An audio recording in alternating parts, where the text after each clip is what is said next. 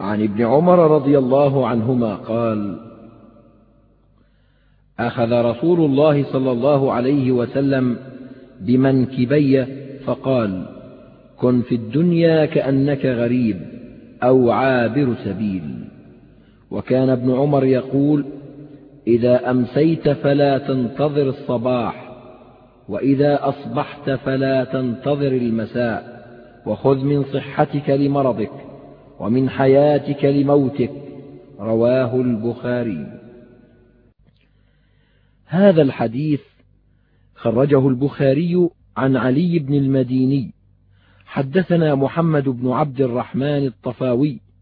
حدثنا الأعمش حدثنا مجاهد عن ابن عمر فذكره وقد تكلم غير واحد من الحفاظ في لفظه. حدثنا مجاهد وقالوا هي غير ثابتة.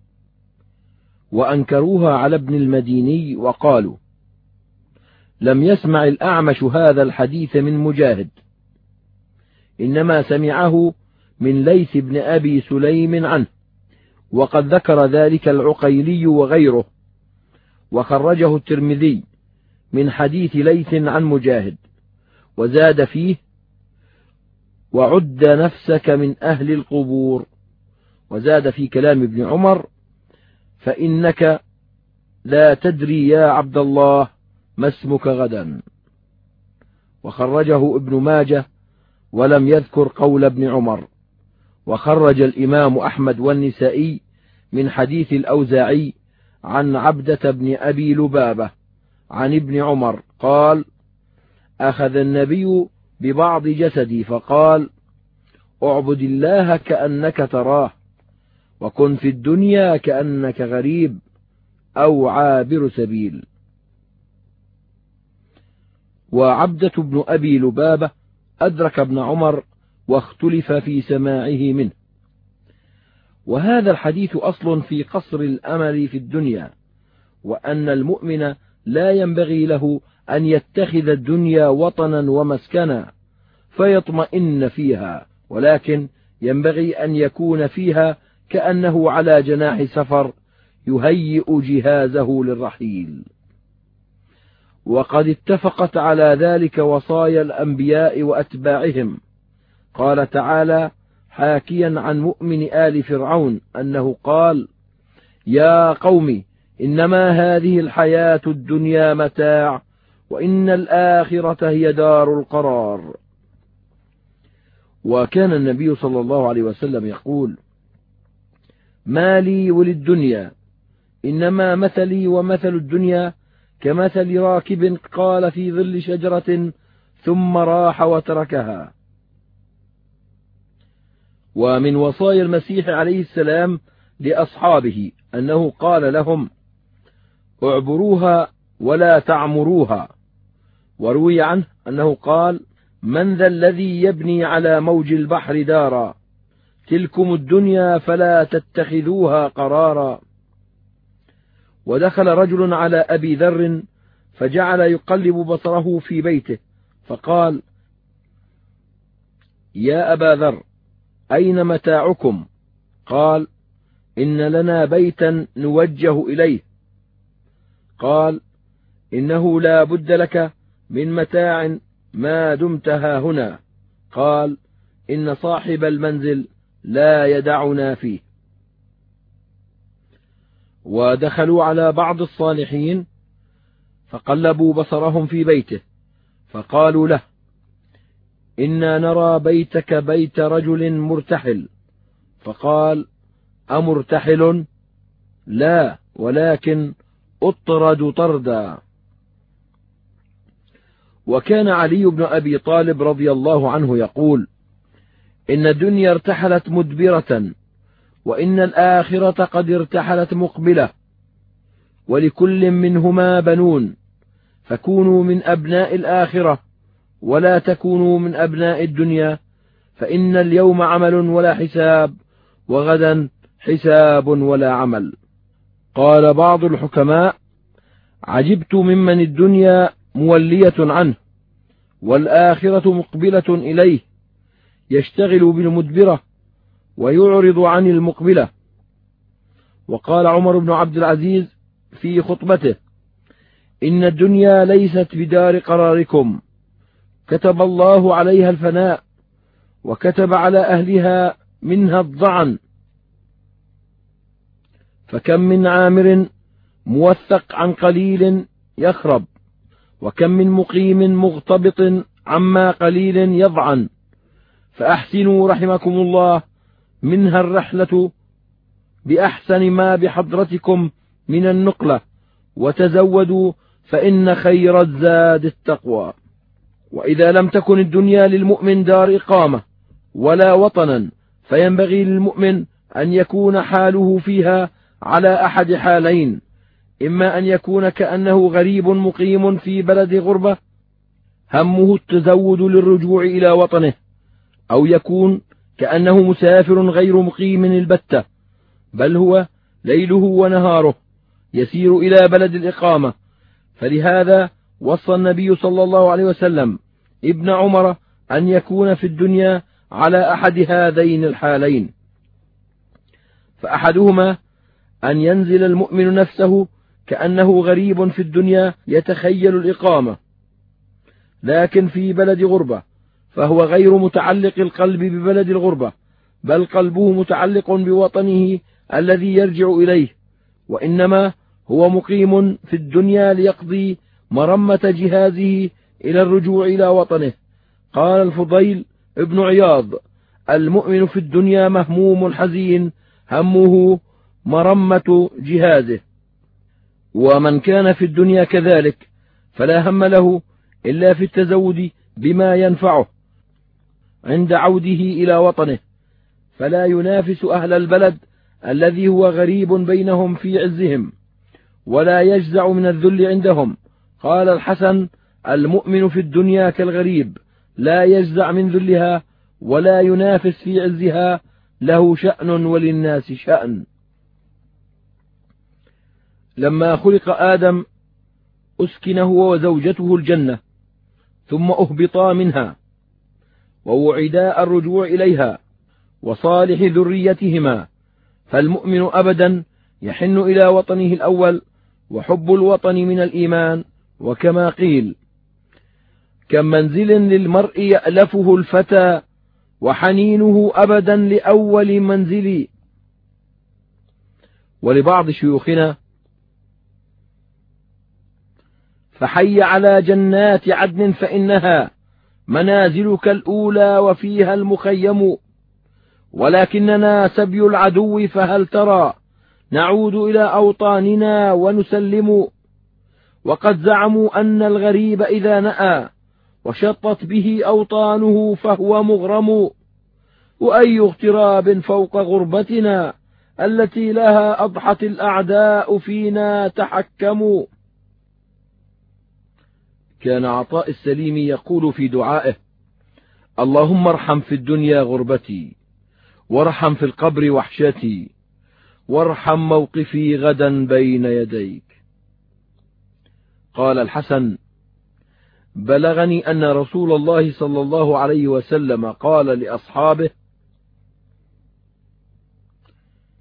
إنما مثلي ومثلكم ومثل الدنيا كقوم سلكوا مفازة غبراء حتى إذا لم يدروا ما سلكوا منها أكثر أو ما بقي.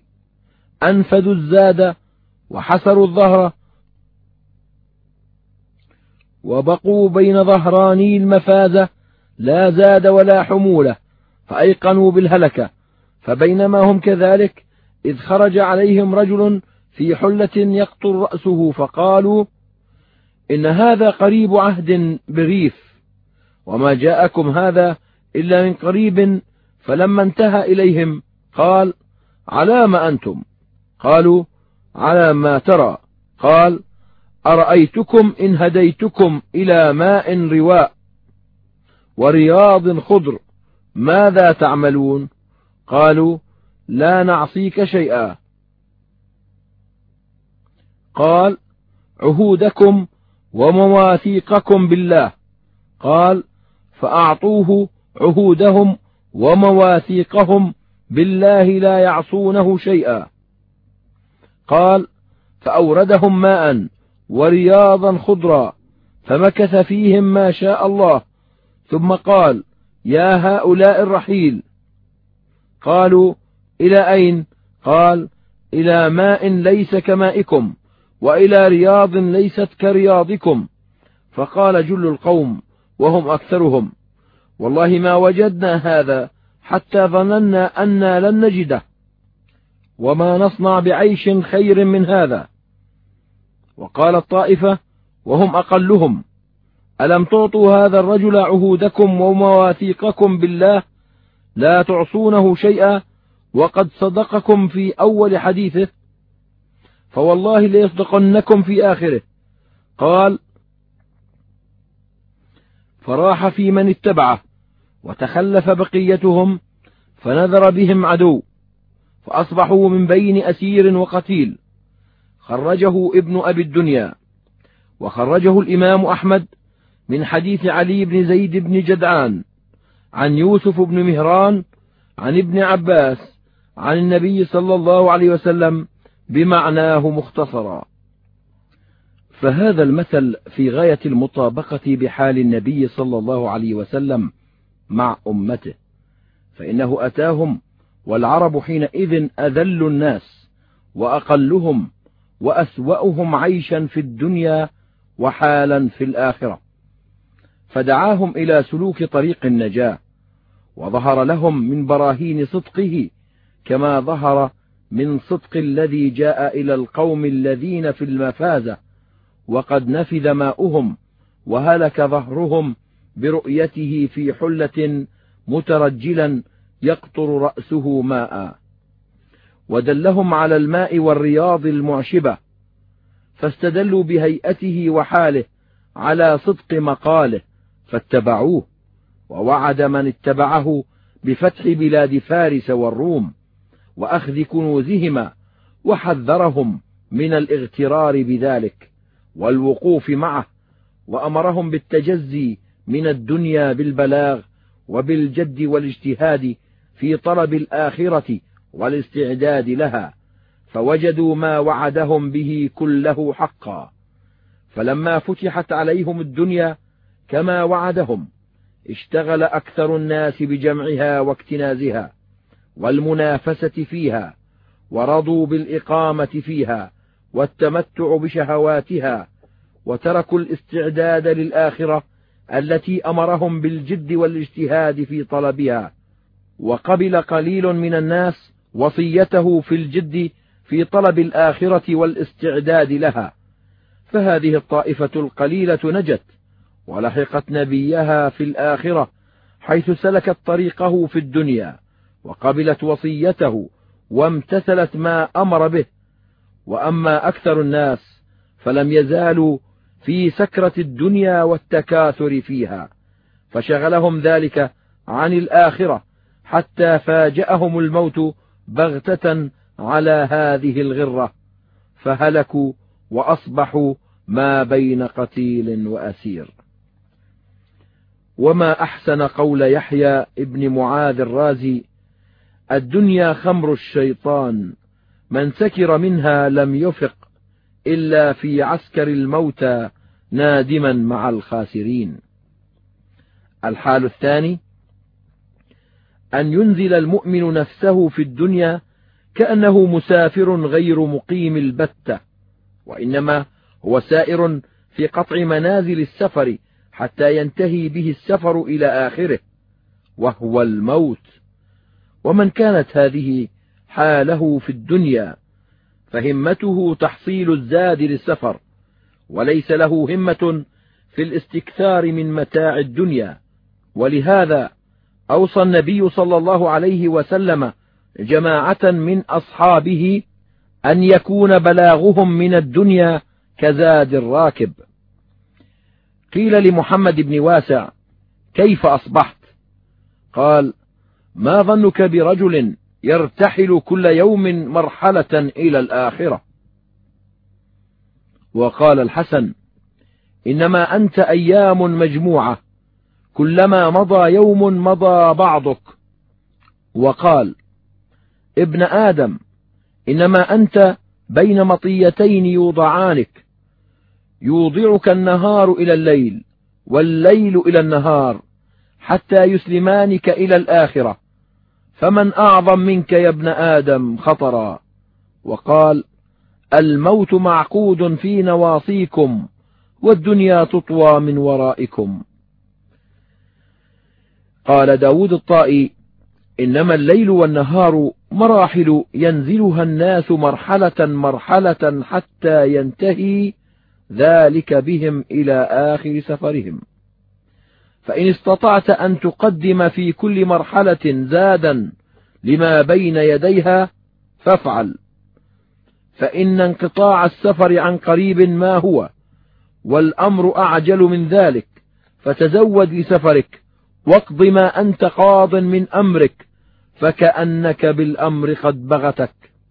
وكتب بعض السلف إلى أخ له يا أخي يخيل لك أنك مقيم. بل أنت دائب السير تساق مع ذلك سوقا حثيثا. الموت موجه إليك والدنيا تطوى من ورائك وما مضى من عمرك فليس بكار عليك حتى يكر عليك يوم التغاب. سبيلك في الدنيا سبيل مسافر ولا بد من زاد لكل مسافر. ولا بد للإنسان من حمل عدة ولا سيما إن خاف صولة قاهر. قال بعض الحكماء كيف يفرح بالدنيا من يومه يهدم شهره وشهره يهدم سنته وسنته تهدم عمره. وكيف يفرح من يقود عمره إلى أجله؟ وتقوده حياته إلى موته. وقال الفضيل بن عياض لرجل كم أتت عليك؟ قال ستون سنة. قال فأنت منذ ستين سنة تسير إلى ربك يوشك أن تبلغ. فقال الرجل إنا لله وإنا إليه راجعون. فقال الفضيل أتعرف تفسيره تقول أنا لله عبد وإليه راجع. فمن علم أنه لله عبد وأنه إليه راجع فليعلم أنه موقوف. ومن علم أنه موقوف فليعلم أنه مسؤول. ومن علم أنه مسؤول فليعد للسؤال جوابا. فقال الرجل فما الحيلة؟ قال يسيرة. قال ما هي؟ قال تحسن فيما بقي يغفر لك ما مضى. فإنك إن أسأت فيما بقي أخذت بما مضى وبما بقي. وفي هذا يقول بعضهم وإن امرئا قد سار ستين حجة إلى منهل من ورده لقريب. قال بعض الحكماء من كانت الليالي والأيام مطاياه سارت به وإن لم يسر. وفي هذا قال بعضهم وما هذه الأيام إلا مراحل يحث بها داع إلى الموت قاصد. وأعجب شيء لو تأملت أنها منازل تطوى والمسافر قاعد. وقال آخر أيا ويح نفسي من نهار يقودها إلى عسكر الموتى وليل يذودها. قال الحسن لم يزل الليل والنهار سريعين في نقص الأعمار وتقريب الآجال.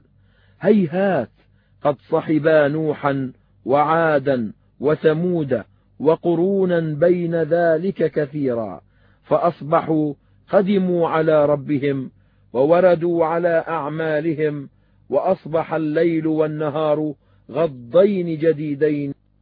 لم يبلهما ما مر به مستعدين لمن بقي بمثل ما أصابا به من مضى. وكتب الأوزاعي إلى أخ له أما بعد فقد أحيط بك من كل جانب. واعلم أنه يسار بك في كل يوم وليلة. فاحذر الله والمقام بين يديه وأن يكون آخر عهدك به. والسلام. نسير إلى الآجال في كل لحظة وأيامنا تطوى وهن مراحل ولم أر مثل الموت حقا كأنه. إذا ما تخطته الأماني باطل وما أقبح التفريط في زمن الصبا فكيف به والشيب للرأس شامل ترحل من الدنيا بزاد من التقى فعمرك أيام وهن قلائل وأما وصية ابن عمر رضي الله عنهما فهي مأخوذة من هذا الحديث الذي رواه وهي متضمنة لنهاية قصر الأمل وأن الإنسان إذا أمسى لم ينتظر الصباح وإذا أصبح لم ينتظر المساء بل يظن أن أجله يدركه قبل ذلك. وبهذا فسر غير واحد من العلماء الزهد في الدنيا. قال المروذي قلت لأبي عبد الله يعني أحمد أي شيء الزهد في الدنيا؟ قال قصر الأمل. من إذا أصبح قال لا أمسي. قال وهكذا قال سفيان. قيل لأبي عبد الله بأي شيء نستعين على قصر الأمل؟ قال ما ندري إنما هو توفيق. قال الحسن اجتمع ثلاثة من العلماء فقالوا لأحدهم ما أملك؟ قال ما أتى علي شهر إلا ظننت أني سأموت فيه. قال فقال صاحباه إن هذا لأمل. فقالا لأحدهم فما أملك؟ قال ما أتت علي جمعة إلا ظننت أني سأموت فيها. قال فقال صاحباه إن هذا لأمل. فقالا للآخر فما أملك؟ قال ما أمل من نفسه في يد غيره. قال داود الطائي سألت عطوان بن عمر التميمي قلت ما قصر الأمل؟ قال ما بين تردد النفس. فحدث بذلك الفضيل بن عياض فبكى وقال يقول يتنفس فيخاف أن يموت قبل أن ينقطع نفسه. لقد كان عطوان من الموت على حذر. وقال بعض السلف ما نمت نوما قط فحدثت نفسي أني أستيقظ منه. وكان حبيب أبو محمد يوصي كل يوم بما يوصي به المحتضر عند موته من تغسيله ونحوه وكان يبكي كلما أصبح أو أمسى. فسئلت امرأته عن بكائه فقالت يخاف والله إذا أمسى أن لا يصبح وإذا أصبح أن لا يمسي. وكان محمد بن واسع إذا أراد أن ينام قال لأهله أستودعكم الله فلعلها أن تكون منيتي التي لا أقوم منها. فكان هذا دأبه إذا أراد النوم. وقال بكر المزني إن استطاع أحدكم أن لا يبيت إلا وعهده عند رأسه مكتوب فليفعل. فإنه لا يدري لعله أن يبيت في أهل الدنيا ويصبح في أهل الآخرة. وكان أويس إذا قيل له كيف الزمان عليك؟ قال كيف الزمان على رجل إن أمسى ظن أنه لا يصبح وإن أصبح ظن أنه لا يمسي فيبشر بالجنة أو النار. وقال عون بن عبد الله ما أنزل الموت كنه منزلته من عد غدا من أجله كم من مستقبل يوما لا يستكمله وكم من مؤمل لغد لا يدركه. إنكم لو رأيتم الأجل ومسيره لأبغضتم الأمل وغروره. وكان يقول إن من أنفع أيام المؤمن له في الدنيا ما ظن أنه لا يدرك آخرة. وكانت امرأة متعبدة بمكة إذا أمست قالت يا نفس الليلة ليلتك لا ليلة لك غيرها. فاجتهدت. فإذا أصبحت قالت يا نفس اليوم يومك لا يوم لك غيره فاجتهدت. وقال بكر المزني إذا أردت أن تنفعك صلاتك فقل لعلي لا أصلي غيرها. وهذا مأخوذ مما روي عن النبي صلى الله عليه وسلم أنه قال صل صلاة مودع. وأقام معروف الكرخي الصلاة ثم قال لرجل تقدم فصل بنا. فقال الرجل إني إن صليت بكم هذه الصلاة لم أصلي بكم غيرها. فقال معروف وأنت تحدث نفسك أنك تصلي صلاة أخرى؟ نعوذ بالله من طول الأمل فإنه يمنع خير العمل. وطرق بعضهم باب أخ له. فسأل عنه فقيل له ليس هو في البيت. فقال متى يرجع؟ فقالت له جارية من البيت. من كانت نفسه في يد غيره من يعلم متى يرجع؟ ولأبي العتاهية من جملة أبيات وما أدري وإن أملت عمرا لعلي حين أصبح لست أمسي. ألم تر أن كل صباح يوم وعمرك فيه أقصر منه أمسي؟ وهذا البيت الثاني أخذه مما روي عن أبي الدرداء والحسن أنهما قالا ابن آدم إنك لم تزل في هدم عمرك منذ سقطت من بطن أمك ومما أنشد بعض السلف. إنا لنفرح بالأيام نقطعها وكل يوم مضى يدني من الأجل. فاعمل لنفسك قبل الموت مجتهدا فإنما الربح والخسران في العمل. قوله وخذ من صحتك لسقمك ومن حياتك لموتك. يعني اغتنم الأعمال الصالحة في الصحة قبل أن يحول بينك وبينها السقم. وفي الحياة قبل أن يحول بينك وبينها الموت. وفي رواية فإنك يا عبد الله لا تدري ما اسمك غدا. يعني لعلك غدا من الأموات دون الأحياء. وقد روي معنى هذه الوصية عن النبي صلى الله عليه وسلم من وجوه. ففي صحيح البخاري عن ابن عباس عن النبي صلى الله عليه وسلم قال نعمتان مغبون فيهما كثير من الناس الصحة والفراغ. وفي صحيح الحاكم عن ابن عباس أن رسول الله صلى الله عليه وسلم قال لرجل وهو يعظه اغتنم خمسا قبل خمس. شبابك قبل هرمك وصحتك قبل سقمك وغناك قبل فقرك وفراغك قبل شغلك وحياتك قبل موتك. وقال غنيم بن قيس كنا نتواعظ في أول الإسلام.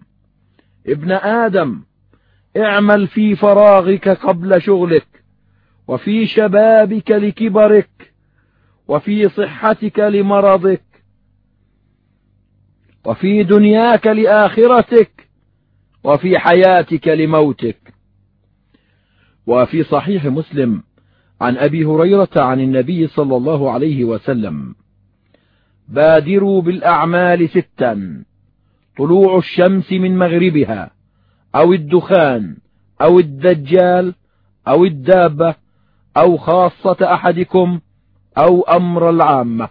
وفي الترمذي عنه عن النبي صلى الله عليه وسلم قال بادروا بالأعمال سبعا.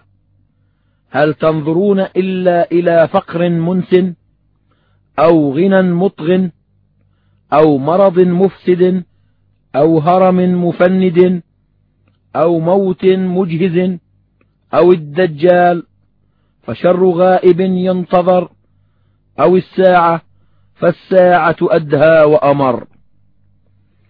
والمراد من هذا أن هذه الأشياء كلها تعوق عن الأعمال فبعضها يشغل عنه إما في خاصة الإنسان كفقره وغناه ومرضه وهرمه وموته وبعضها عام كقيام الساعة وخروج الدجال وكذلك الفتن المزعجة كما جاء في حديث آخر بادروا بالأعمال فتنا كقطع الليل المظلم. وبعض هذه الأمور العامة لا ينفع بعدها عمل كما قال تعالى يوم يأتي بعض آيات ربك لا ينفع نفسا إيمانها لم تكن آمنت من قبل أو كسبت في إيمانها خيرا. وفي الصحيحين عن أبي هريرة عن النبي صلى الله عليه وسلم قال لا تقوم الساعة حتى تطلع الشمس من مغربها فإذا طلعت وراءها الناس آمنوا أجمعون فذلك حين لا ينفع نفسا إيمانها لم تكن آمنت من قبل أو كسبت في إيمانها خيرا. وفي صحيح مسلم عنه عن النبي صلى الله عليه وسلم قال ثلاث إذا خرجن لم ينفع نفسا إيمانها لم تكن آمنت من قبل أو كسبت في إيمانها خيرا طلوع الشمس من مغربها والدجال ودابة الأرض. وفيه أيضا عنه عن النبي صلى الله عليه وسلم قال من تاب قبل أن تطلع الشمس من مغربها تاب الله عليه. وعن أبي موسى عن النبي صلى الله عليه وسلم قال إن الله يبسط يده بالليل ليتوب مسيء النهار ويبسط يده بالنهار ليتوب مسيء الليل حتى تطلع الشمس من مغربها. وخرج الإمام أحمد والنسائي والترمذي وابن ماجه من حديث صفوان بن عسال عن النبي صلى الله عليه وسلم قال إن الله فتح بابا قبل المغرب عرضه سبعون عاما للتوبة لا يغلق حتى تطلع الشمس منه. وفي المسند عن عبد الرحمن بن عوف وعبد الله بن عمرو ومعاوية عن النبي صلى الله عليه وسلم قال لا تزال التوبة مقبولة حتى تطلع الشمس من المغرب. فإذا طلعت طبع على كل قلب بما فيه وكفي الناس العمل. وروي عن عائشة قالت إذا خرج أول الآيات طرحت الأقلام وحبست الحفظة وشهدت الأجساد على الأعمال خرجه ابن جرير الطبري وكذا قال كثير بن مرة ويزيد بن شريح وغيرهما من السلف. إذا طلعت الشمس من مغربها طبع على القلوب بما فيها وترفع الحفظة والعمل وتؤمر الملائكة أن لا يكتبوا عملا. وقال سفيان الثوري إذا طلعت الشمس من مغربها طوت الملائكة صحائفها ووضعت أقلامها. فالواجب على المؤمن المبادرة بالأعمال الصالحة قبل أن لا يقدر عليها ويحال بينه وبينها إما بمرض أو موت أو بأن يدركه بعض هذه الآيات التي لا يقبل معها عمل. قال أبو حازم إن بضاعة الآخرة كاسدة ويوشك أن تنفق فلا يوصل منها إلى قليل ولا كثير. ومتى حيل بين الإنسان والعمل لم يبق له إلا الحسرة والأسف عليه. ويتمنى الرجوع إلى حالة يتمكن فيها من العمل فلا تنفعه الأمنية. قال تعالى وأنيبوا إلى ربكم وأسلموا له من قبل أن يأتيكم العذاب ثم لا تنصرون.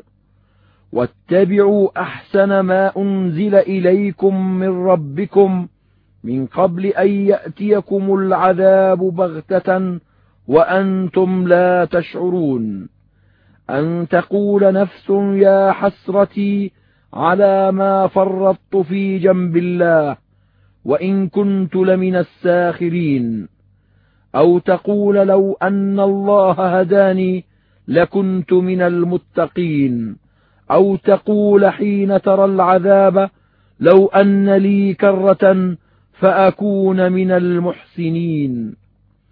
وقال تعالى حتى إذا جاء أحدهم الموت قال رب ارجعون لعلي أعمل صالحا فيما تركت كلا إنها كلمة هو قائلها ومن ورائهم برزخ إلى يوم يبعثون وقال عز وجل وأنفقوا مما رزقناكم من قبل أن يأتي أحدكم الموت فيقول رب لولا أخرتني إلى أجل قريب فأصدق وأكون من الصالحين ولن يؤخر الله نفسا إذا جاء أجلها. وفي الترمذي عن أبي هريرة مرفوعا ما من ميت يموت إلا ندم قالوا وما ندامته؟ قال إن كان محسنا ندم أن لا يكون ازداد وإن كان مسيئا ندم أن لا يكون استعتب. فإذا كان الأمر على هذا فيتعين على المؤمن اغتنام ما بقي من عمره. ولهذا قيل إن بقية عمر المؤمن لا قيمة له. وقال سعيد بن جبير كل يوم يعيشه المؤمن غنيمة. وقال بكر المزني ما من يوم أخرجه الله إلى الدنيا إلا يقول يا ابن آدم اغتنمني لعله لا يوم لك بعدي ولا ليلة إلا تنادي. ابن آدم اغتنمني لعله لا ليلة لك بعدي ولبعضهم اغتنم في الفراغ فضل ركوع فعسى أن يكون موتك بغتة. كم صحيح رأيت من غير سقم ذهبت نفسه الصحيحة فلته. وقال محمود الوراق مضى أمسك الماضي شهيدا معدلا وأعقبه يوم عليك جديد.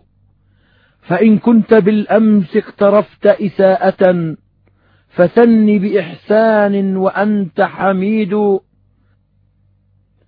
فيومك إن أعتبته عاد نفعه عليك وماضي الأمس ليس يعود.